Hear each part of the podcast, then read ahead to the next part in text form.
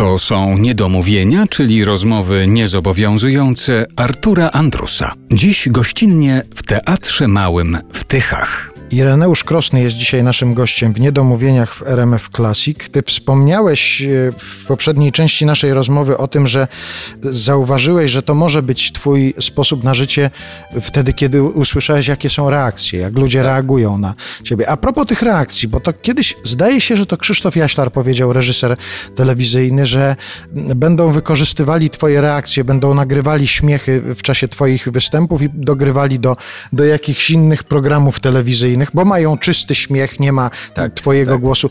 Coś wiesz, czy rzeczywiście tak się kiedyś zdarzyło? Y, Rzeczywiście, absolutnie tak jest i to już proceder trwa od lat. Dlatego, że kiedyś zdarzyło mi się, że byłem zaproszony na montaż jakiegoś programu i dźwiękowcy powitali mnie z szerokim uśmiechem. A to pan! To my tutaj odgłosami z pana występów, to my tu pastujemy wszystkie programy. Także oni byli przeszczęśliwi, że jest taki ktoś, kto tutaj na ciszy wszystkie rodzaje reakcji. Mały śmiech, duży, z brawami, bez braw.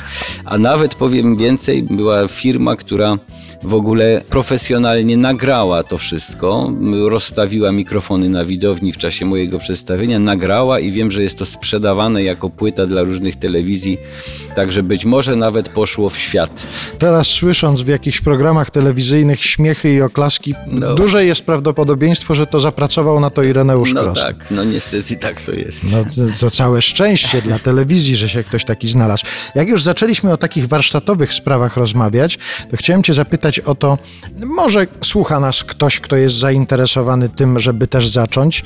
Tak teraz, na tym etapie, na jakim jesteś, ile to wymaga od Ciebie takiego wysiłku fizycznego? W sensie takim, masz ileś godzin dziennie ćwiczenia, zakładasz sobie jakiś plan treningowy, pracujesz ciałem, to musisz to Tak, robić. tak. To znaczy, no, treningi, y, ja to uważam z doświadczenia już mojego tych lat zajmowania się pantomimą, powiem tak. Jeżeli chodzi o technikę pantomimy, to ją trzeba się nauczyć. I to jest troszkę jak z jazdą na rowerze, że jeżeli człowiek się tego nauczy, to już to potrafi. Ja na przykład nie mam potrzeby powtarzania codziennie warsztatu mima, ponieważ to mam jakby już wyuczone, używam tego na wszystkich przedstawieniach, więc to idzie bez problemu. Natomiast cechy motoryczne tak zwane, czyli siła, wytrzymałość, rozciągnięcie, no to są rzeczy, które trzeba utrzymywać, bo jeśli nie trenujesz, to się wszystko cofa.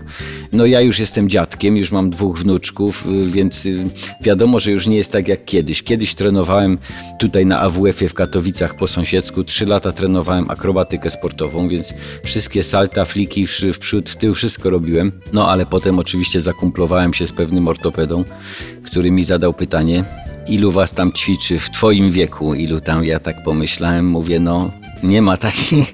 On mówi, no to sobie to przemyśl. No i sobie przemyślałem i stwierdziłem, że jednak muszę zmodyfikować już metody treningu i to z, z biegiem czasu zarzuciłem już taką akrobatykę pełną, już y, takich salt i tak dalej nie robię, chociaż czasem w spektaklach jakieś elementy akrobatyczne jeszcze wykorzystuję, ale to już nie jest to, co było. Natomiast no, muszę robić treningi rozciągające, treningi e, siłowe, ale robię to już w tej chwili u mnie w domu. A dieta też? No z dietą to jest u mnie gorzej, bo ja y, bardzo lubię słodycze, co jest zgubne dla y, organizmu.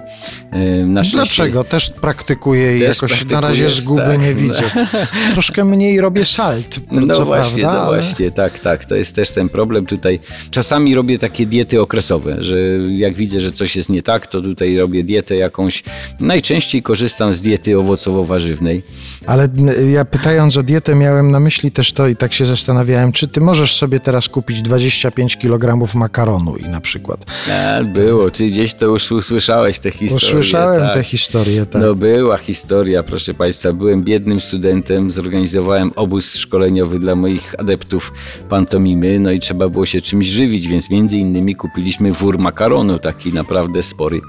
Obóz się skończył i trochę tego makaronu zostało. A Trochę, ja- czyli prawie cały wór. Taki kawał tego worka był. No i proszę Państwa, ja miałem wyliczone pieniądze na bilet powrotny do domu, na pociąg, więc najpierw mi się skończyły wszelkie dodatki, potem mi się skończył cukier i na koniec już przed wyjazdem wcinałem sam makaron. To były ciężkie czasy, ale takie było życie studenckie.